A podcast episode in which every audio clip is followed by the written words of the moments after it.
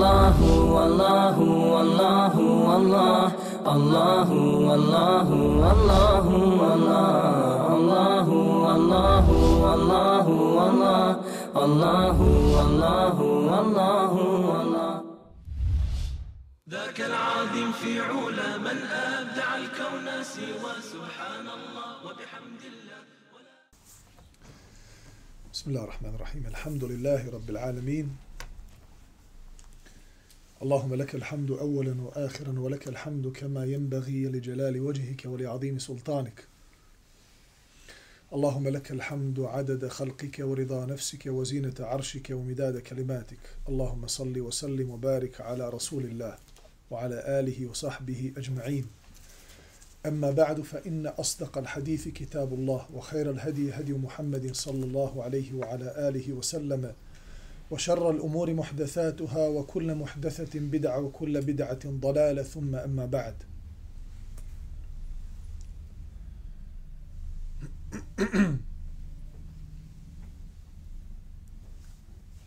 Džabi radijallahu anhu kazuje neki čovjek na dan Uhuda upitaju vjerovjesnika sallallahu alaihi wa sallame na dan Uhuda tokom bitke.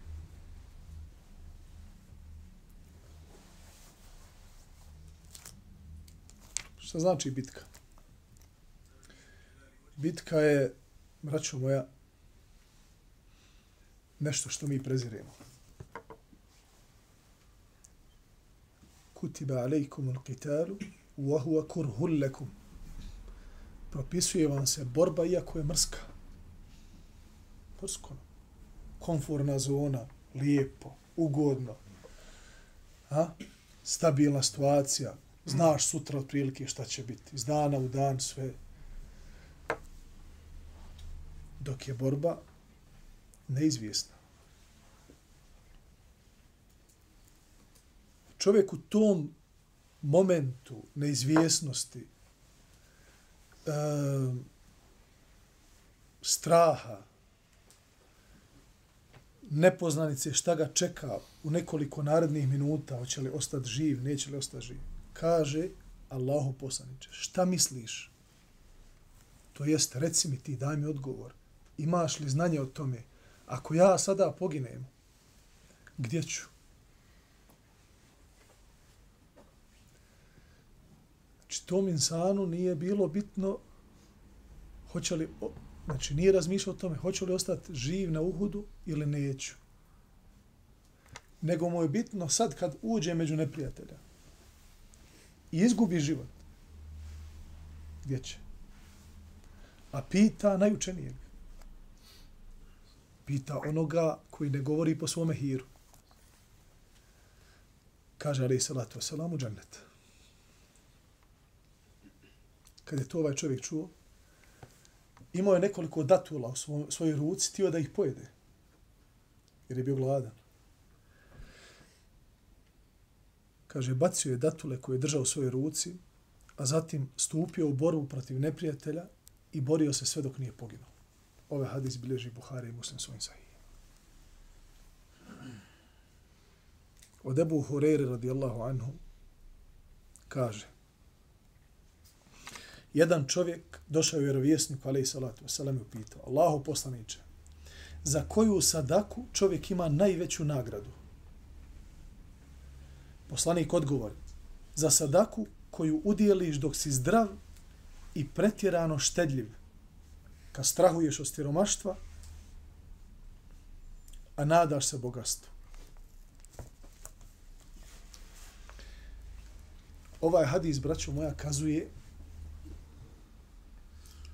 o tome, o jednoj temi, to je jedna, jedna cijelina, a tiš, tiče se svakodnevno našeg života. A to je vrednjovanje nagrade kod svakog od nas. Jer kada nas dvojica učinimo jedno te isto dobro djelo, ne mora značiti da ćemo isto biti nagrađeni za to. Na primjer. Na primjer. bogat čovjek čije bogatstvo je ogromno. dođe i počne da dijeli po 10-20 maraka. Po čarši. Obraduje stotinu ljudi. A ti koji nemaš, koji i sam si u potrebi, dadneš dio onoga što, što ti treba, tebi i tvojoj porodici, tvoje jače kod Allaha. Rubbe dinarin a, sebeqa elfe dirhemin. Možda jedan srebrni novčić kod Allaha na sudnjemu danu pretekne hiljadu zlatnika. Zbog toga postoje određene mesele kod učenjaka, pa kažu, kada se čovjek zakune na Allaha i prekrši zakletvu, postoje dva načina da se otkupi. Da nahrani deset siromaha ili da posti tri dana. Ulema u doba sultana, u doba vladara islamski, kada su ih islamski vladari pitali hoćemo li nahraniti deset siromaha, kaže ne, ne, ne, vi ne. Obični narod, da. Ali vi ima da postite tri dana. Za vas ne vredi ono deset siromaha. Zašto? Vladar pun para. Dođe nekom našem bratu, kaže sutra ću ti pomoći tako mi Allaha. Riješiti tvoj slučaj. On ne zna sutra za tebe. Ti se jednik obradovo, tamo sve poredao kockice, evo ga sutra dolazi, slagote. Pa ti se zakleo Allah, niko kakav problem nije, sad će ona nahraniti desi romaha, pošalju onoga tamo slugu, idi, kaže, nađi deset siromašnih ljudi, podijeli, ne može, kaže. Ti, pošto imaš viška novaca, ti moraš postiti. Pa dobro, kaže, pa gdje to ima u Koranu da moram ja postiti? Aha. Znači, postoje, kada se nešto želi dokazati u islamu, braću moja, sakupi se svi ajeti, hadisi, islamski učenjaci razmatraju o tome. I onda pronađu nešto poput ovoga, poput ovih hadisa, hm?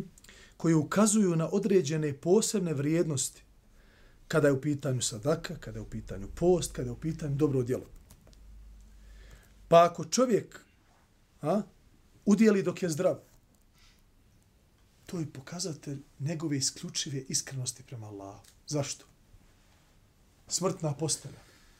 Dajte trećinu moga imetka za džamiju. Legenda moja. Ok, super. Allah nagrada, te izliječi. Ali mi znamo šta ti želiš tom sadaku. Želiš da staneš na noge ponovo. A? Ne bi ti da odeš s ovoga svijeta. Hajde, ah babu, trećinu imetka dadni za džamiju, a ti zdrav prav. E, malo drugačije. Čovjek se strahuje siromaštvo. Zar nije kod nas bila prije godinu i pol, dvije, kriza ovdje? Izmišljena kriza. Za prehrambene neke onaj proizvode. Pa ne možeš naći čovjeka da ti, da, da, da, da ti kaže, slušaj, ah, kupio sam ja pet vreća brašna, u slučaju da dođe, da znaš da kod mene ima. Kako? Dođeš u prodavnicu, nema, nema kile. Ljudi palete uzima. Ok, prošlo dva mjeseca, pala ta lažna kriza, ljudima se ucrvalo brašno. Stotinama kila, tonama, tonama kila, kilograma brašna, lijepog, finog, bijelog, lijepog brašna ucrvalo se. Što? Tada, brate, tada, tada udijeli, tada budi dobročinitelj, jer to nam suštinski govori o tvojoj jakoj vezi sa Allahom. Čovjek kada je u potrebi, digne ruke, je tako? Hm? Razlika između onoga koji digne ruke Allahu kada je u potrebi između onoga kada digne Allahu ruke, a ništa mu ne treba. Šta znači ništa mu ne treba? Brate, zdrav. Porodca na okup. Ima para. Lijepo mu ide. Ljudi, ljudi o njemu fino misle. Biznis, klanja, sve po tamami. U prsima mašama digne ruke i kaže gospodaru, tebi hvala, neizmjerno, sačuvaj me ove blagodati, sačuvaj me zla, povećaj mi na faku, daj mojoj braći, pomozi ovoga, pomozi onoga. A, takve dove kod Allaha brzo stižu. Razumijete? I'lam ala Allahi fir raha ja'limke ja'limke fi šidde. Znaj za Allaha, i ovo je recept, ovo je hadis kod nebevije. Znaj za Allaha kad ti ništa ne treba. Kad ti je sve po tamami.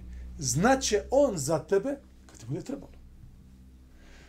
Pa ako ti budeš dovio Allahu da te pomogne, onda kada ne trebaš pomoć, mi svi mi trebamo Allahu pomoć, ali iskreno, ajde da, da budemo iskreni prema drugim, kada nam je sve po tamami, što ćemo tada dobiti? Samo odaš po tunalku i kažeš, e, maša, lesmo lijepo. Kao jednom te nešto spuca od ozgo, znači mali mozak te zaboli. Gospodaru, pomozi. Tu dovu, samo da si dan prije proučio. Samo da si dan prije proučio. Pa je ponovio kada te to pogodi iznenada iskušenje, dova bi se mnogo prije primila. Jel razumijete ovo? Jako bitna stvar. E, zato je kod Zato nas je poslanik Ali Salatu Selam podučio i dovama, i ibadetima, i raznim dobrim dijelima. U dobrostanju prije iskušenja. Jer to blagostanje koje mi iskoristimo, posvećeni Allahu, dovi, dobrim dijelima, olakšat će nam situaciju kada budemo u teskobi, a bit ćemo. Zapamtite. Kako god se ti večeras osjećao, znaj da tvoje stanje neće ostati isto. A? Da si večeras proglašen kraljem svih kraljeva ovoga svijeta. I najdragocijenija kruna ti stavljena na glavu. I ogrnut sa najskupljim ogrtačem, doći će dan kada ćeš biti potište i kada ti neće biti ni došta. Znaj to. Dunjaluk. Ako je već tako, brate, iskoristi blagodat, iskoristi blagostanje, iskoristi širokogrudnost, ljepotu dana i noći u kojoj uživaš, da bi se pripremio za to iskušenje.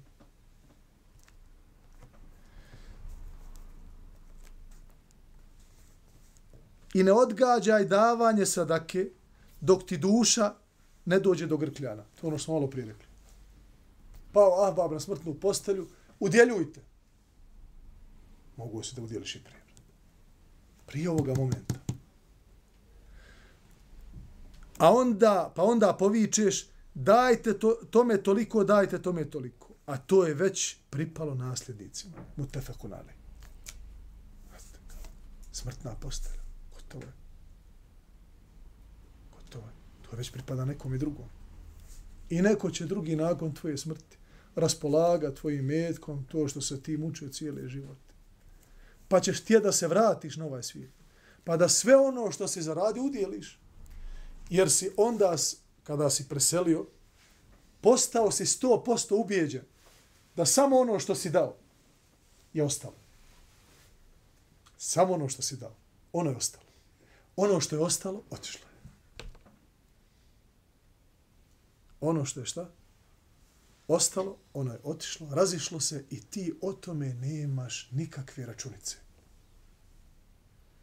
pa šta da radim, tako je kako je. A pametan je onaj koji kada sazna, sprovede. Od Enesa radijallahu anhu se prenosi da je vjerovjesnik sallallahu alaihi wasallam na dan Uhuda u jednom trenutku uzeo sablju i pitao ko želi da mu dam ovu sablju, svi su ljudi pružili ruke i svako je govorio ja, ja. Hoće svi sablju. Od Rasulullah alaihi sallatu Počast. Poslanik alaihi Salatu wasallam tada upita ko će uzeti i ispuniti njeno pravo da ti je hak.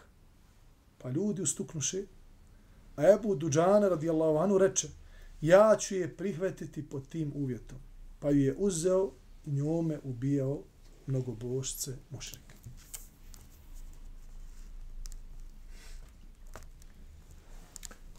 Ne postoji, braćo moja, ni jedna povlastica. A? Povlastica. A da za sobom ne nosi tešku obavezu. Želiš kod Allaha visok stepen. ne može se zaraditi samo time što sebe e, prisvojiš onima koji su bliski Allah. Da kažeš, gospodaru, evo ja tebe zaista volim, volim da budem u tvojoj blizini i želim da budem na visokoj deređi kod tebe na sudnjemu danu. To nije dovoljno. Poput ove sablje. Hoće je svi ljudi počast. Da su počašćeni, da su preuzeli iz ruke u ruku sablju od Resulullah alaih salatu wasalam, sa njom se borili. To je počast, je li tako? Ali ta počast ima obavezu da se toj sablji dadne njeno pravo da bi je čovjek ponosno nosio i da bi time mogao da se pohvali da je nosio Resulullahovu sablju. Ali onda malo onih koji šta? Malo je onih koji kada preuzmu emanet da ga ispune do kraja. Malo je njih. Drugim riječima rečeno, ko želi visoke stepene, a, ko želi visoke, visoke stepene, na njemu je da se strpi, a ja mu obećavam da se neće puno laktati. Jer nema puno ljudi, oni koji žele visoke stepene. Nema gužve. Ali treba puno sabora.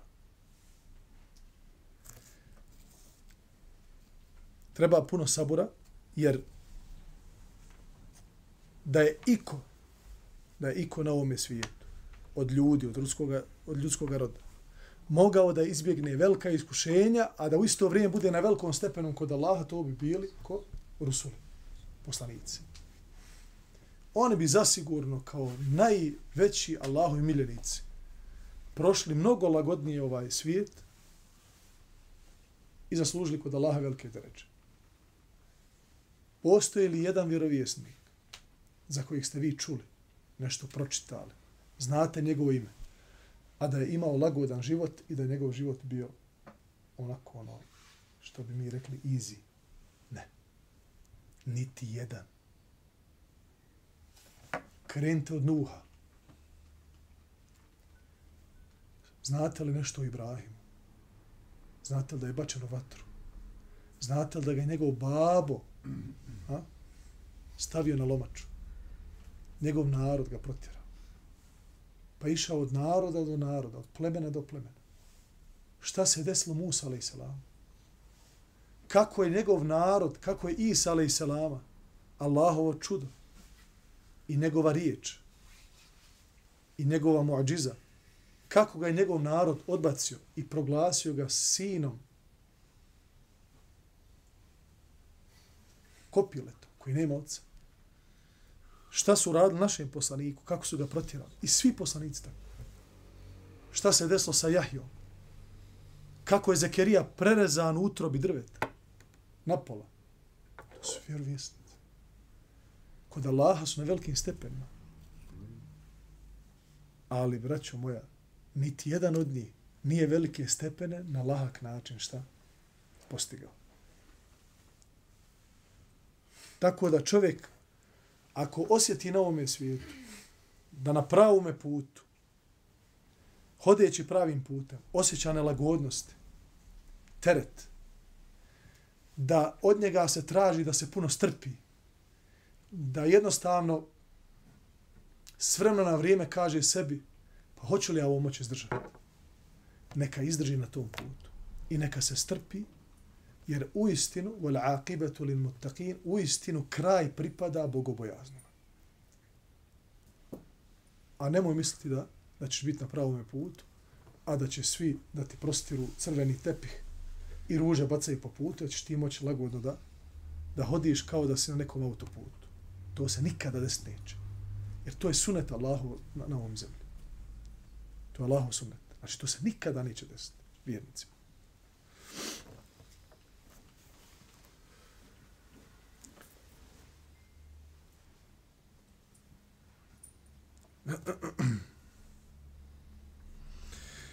Od Ebu Hureyre radijallahu anhu se prenosi da je Allah poslanik sallallahu alaihi wasallam rekao požurite sa činjenjem dobrih dijela da preteknete sedmoro. Allahu poslanik u ovome hadisu postiče nas da što više dijela a, upišemo u svoju knjigu na sudnjem danu i na tas desni prije nego što se pojave neke nelagodnosti koje će nas usporiti i spriječiti da radimo dobra djela. To jeste, nagomilavajte dobra djela dok se ne desi ovo sedmaro. Pa dobro, zar, zar, zar može tako? Zar može čovjek da na, nagomilava dobra djela? Može. Dokaz za to su mnogobroj. Hadis o nefahat. O prilika. Ramazan. Zar svi muslimani, od prvih muslimana, od ashaba preko tabijina i svih oni koji su islijedili dobro do sudnjega dana, do dana danas, zar nisu posebno se posvećivali, posvećivali, eh, posvećivali Allahove knjizi i ibadetu u Šabanu i Ramazanu? Zašto? Nagomilavanje dobrih dijela. Iskorištavanje prilika kada Allah posebne svoje blagodati spušta među svoje robove, pa povećaju svoj ibadet. Ili jednostavno ti u nekim danima osjećaš toliku draž, toliki, e, toliku ljepotu prema dobrim dijelima. I lahkoću rađenja dobrih dijela. Iskoristi to. I to je izrekao Domer radijallahu anhu. Kaže, kada osjetite, a, kada osjetite da duša teži ka dobrim djelima, radite što više. Zikri, uči Kur'an, djeluj, budi fin, nasmija. Dođu dani, jednostavno, nije, ne, ne može. Pa ti si, hvala Allahu mumin, klanjaš pet vakat namaza, postiš, neko ti nazove selam alikom, ali jednostavno, nisi isti ko prije dvije, dvije sedmice. Kaže Omer radijallahu anu, tada se drži onoga što ti je propisano. Dok ponovo ne dođe onaj prvi period. Ne može uvijek konstantno biti. Jer iman kod ehli sunnete u džemata, braćo moja, se povećava i spušta. Nije konstantan. Nekada je mašala tabaraka rahman toliko visok kao da lebdiš po, ona iznad zemlje. Nekada ti dođe vrijeme I svima dođe. Zato što smo ljudi. I u tim slabašnim danima iskoristi tu slabost da se predaš gospodaru da kažeš la haule wa la kuvvete illa billah. Nema snage ni moći osim sa Allahom. Pogledaj koliko si slab. Da se ne uzoholiš, brate. Da te uđb ne uzme. Da kažeš sve, o mašala, kako sam ja. Eto te mašala. Dobro, okej, okay, bio si mašala prije dvije sedmice. Pogledaj sada. Jedva kraj s krajem. Ali idemo. Idemo naprijed. Iskoristi. Nagomilavaj dobra djela. Evo, sad će mjesec Ramazan. Bismillah. Svaku minutu. Svaki trenutak iskoristi. Dok si se otvorilo. Dok ne dođe sedmoro. Koje je sedmoro? Zar očekujete, kaže Rasulullah alaih sallatu wasalam, išta drugo osim siromaštva koje odvodi u zaborav? Mašalo, sad ti je fino, imaš nešto u džepu para, najeo se, u por, onaj kod kuće je podmirio nešto hrani, super ti. Šta očekuješ? Očekuješ da nema šta da kako treba da jedeš, pa da onda zikriš i da klanjaš, nećeš, vallahi, moći. Evo ja ti kažem da nećeš moći. Klanjaćeš dva rekiata, a razmišljaćeš gdje da zaradiš 20 maraka. Jer nemaš, brate. Zato što kaže, ali salatu selam, siromaštvo čovjeka dovodi do zaborava. Čega zaborava? Svega. Ma ni do čega ti nije. Brate, šta ima? Ma nema ništa. Kako nema ništa, brate? Vidiš da gledaš kroz nas. Čovjeku stis, stislo ga sa svih strana. Sve nas to, svi smo mi proživjeli to, braću. Svi smo mi prolazili kroz to. I svak od nas, ja vjerujem, ima svoju priču. Posebno u svome životu, kako je prošao kroz teške dane. Sjetimo ih se. Sjetimo se kada smo nekad možda po 5-10 feninga tražili, prevrnemo se kući i trosjede i dvosjede i, i podignemo tepije da nađemo da kupimo jedan hljeb. Nemamo za hljeba jednoga.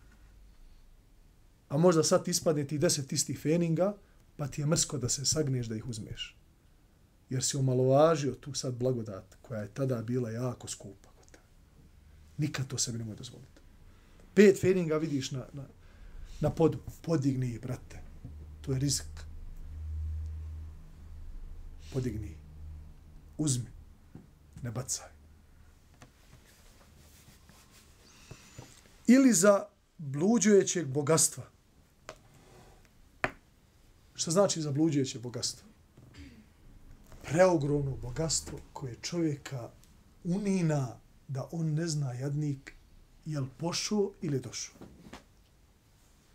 Pa bi on Hamani došao u džamiju, ali on toliko odjednom ima lažnih prijatelja. On od, odjednom je toliko u centru pažnje da on ne zna ni svoje ime da izgovori. Tako nemojte se čuti kad vidite neka video, neki klip, zbunjen čovjek, on ne zna šta priča. Faca neka, on je u nekim milionima. Kako će jednik znati? Teško se njemu i njegovoj tuzi, njegovoj brizi. I kako onda se posvijeti Allahu, a sebi se ne može da posvijeti. Jer i preveliko siromaštvo, preveliko bogatstvo, čovjeka i kako može da izbezumi. Čovjeka i kako šta može da izbezumi. Jedne je prilike, ali je salatu selam, klanjao je kindiju sa sahabima. Samo što je selam predao na lijevu stranu, toliko je brzo prešao preko ramena ljudi u safovima, da dođe do svoje sobe, da se ljudi prepale. Jer ga nisu zatekli da je se tako ikad ponašao. Pa se zadruže jedno vrijeme, pa su ljudi počeli međusobno da pričaju što se desilo, što je, da nije šta bilo. Njemu, da nije neki, neka objava došla strašna, da, da se neće nešto da desi. Pa malo, pomalo, malo, pomalo, kaže, izlazi Allaho poslanik, kaže ljudi, Allaho poslaniče, vidjeli smo te u stanju, u kakvom ste do sad nismo vidjeli. Šta je bilo? Kaže, kad sam klanjao i kindiju namaz, sjetio sam se da imam viška zlata u svojoj kući. Pa sam se prepao bogatstva i kaže, potrčao sam da to podijelim, da mi glava bude prazna, da ne razmišljam. Konotacija. Dobro, imam ovdje 10, ovdje 20, to sad da mi 30 donese. Ona ima da mi pozajmi, pa kad on me pozajmi, ja ću vamo 200. Ti, brate, znači ti u, u džepu uglavnom imaš jedno 300 je. Imaš više. Ali tebi u glavi 200 hiljada. To je, to je iluzija. Tebi u glavi 200.000. I to 200.000 toliko tebi zabridi glavu. Anesteziolog nijedan te ne može onaj odspavati. Znači, ne možete niko probuditi. I tako ljudi žive u nekim iluzijama. Naš poslanik je imao komad zlata u svojoj kući. Nije se smirio dok ga nije podijelio. Jer je vidio da je klanjajući namaz krenulo. Insan ko insan, braćo. Šta je uradio? Riješio iz korijena problem. Otišao i podijelio naišao na siromahe u, na kraju mesčida, nema ljudi, ehlu sufe, zvali se ehlu sufe. Na kraju mesčida imali svoje male šatore, posle ikindije bi ashabi donosili malo mlijeka, malo hljeba, neko masla, neko hljeba, da ih nahrani. Dođe, podijeli im zlato, oni sretni dva mjeseca i ništa ne treba.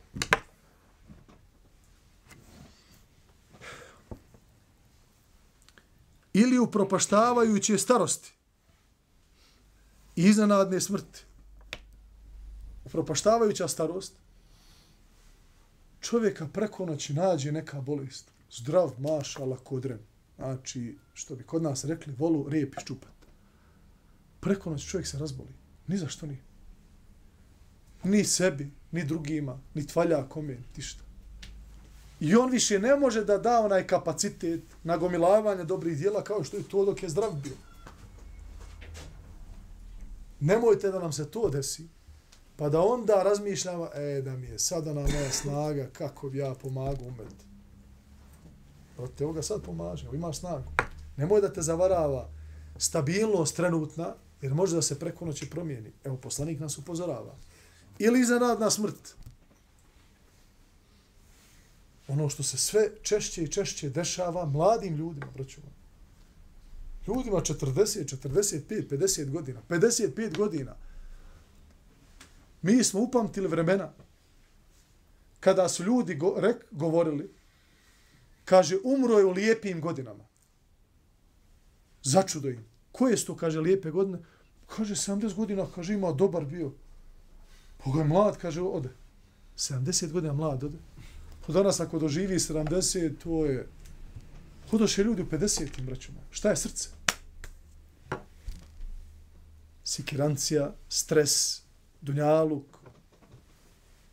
ne, nebitne stvari u životu kojima se ti... Pogledajte, 80% naših problema danas u životu ne postoje. Mi ih izmišljamo.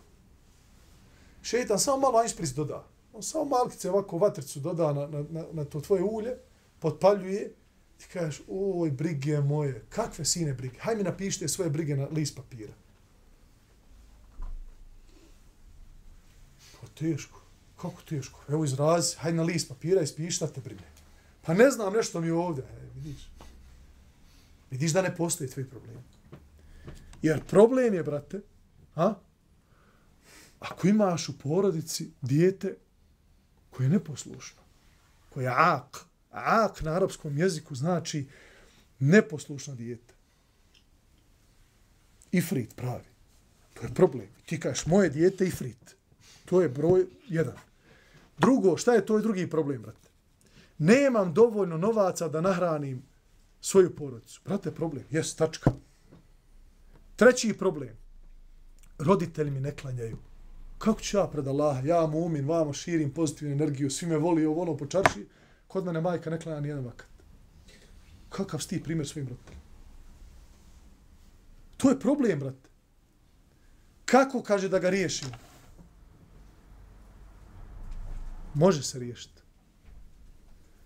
Je li doviš za svoju majku na svakom namazu da je Allah uputi? Kaže, ne dovi. Ne, ne, želiš da riješiš svoj problem. Nemaran si prema svojoj majci. Evo ti odmah. Totalno se nemaran. Doviš za nju na svakom namazu. Ne moraš je upozoravati. Nazoveš je. Pokloniš li joj. Doneseš li joj pare. Kupiš li joj. Pitaš je šta joj treba. Bravo. Kaže, i dalje ne klanja. Neka, nije do tebe. Ali nisi ovo ispunio prije. I onda pričaš kako želi da tvoja majka klanja, nema toga ništa.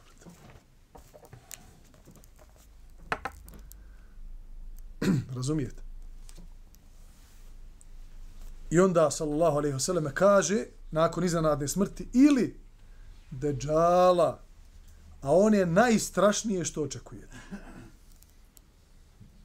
Svi ovi dosta problemi, fitne, smutnje, među vjernicima, od nevjernika, od sistema, od ugnjetavanja, od konc logora, od ratova, to je sve na naspram onoga sa čime će doći fitna deđala, jako malo. Za ne spomenuti. Iako je grozno. E zamislite sa čime će on doći i kakva će to tek tada smutnja da bude. A ko nam, ko nam garantuje da neće doći u našem vremenu? Ako je Allah poslanik imao pravo da ashabe upozorava stalno na njega, imamo i mi pravo da upozoravamo ljude koji žive danas zajedno sa nama na istu tu fitnu. Pa ako je ne doživimo, elhamdulillah, još bolje. Ako je doživimo, spremimo se za nju, a imali smo posebno predavanje koje smo, hvala Allahu, onaj, osvrnuli se na to na koji način se spremiti u susret Dejjalu. Ili časa sudnjega, koji je najveće iskušenje i koje je gorči od svih dunjalučkih nevolja. Jednostavno nastupi sudnji dan. Kaže, kako će nastupiti sudnji dan? Nije valjda da nećemo znati.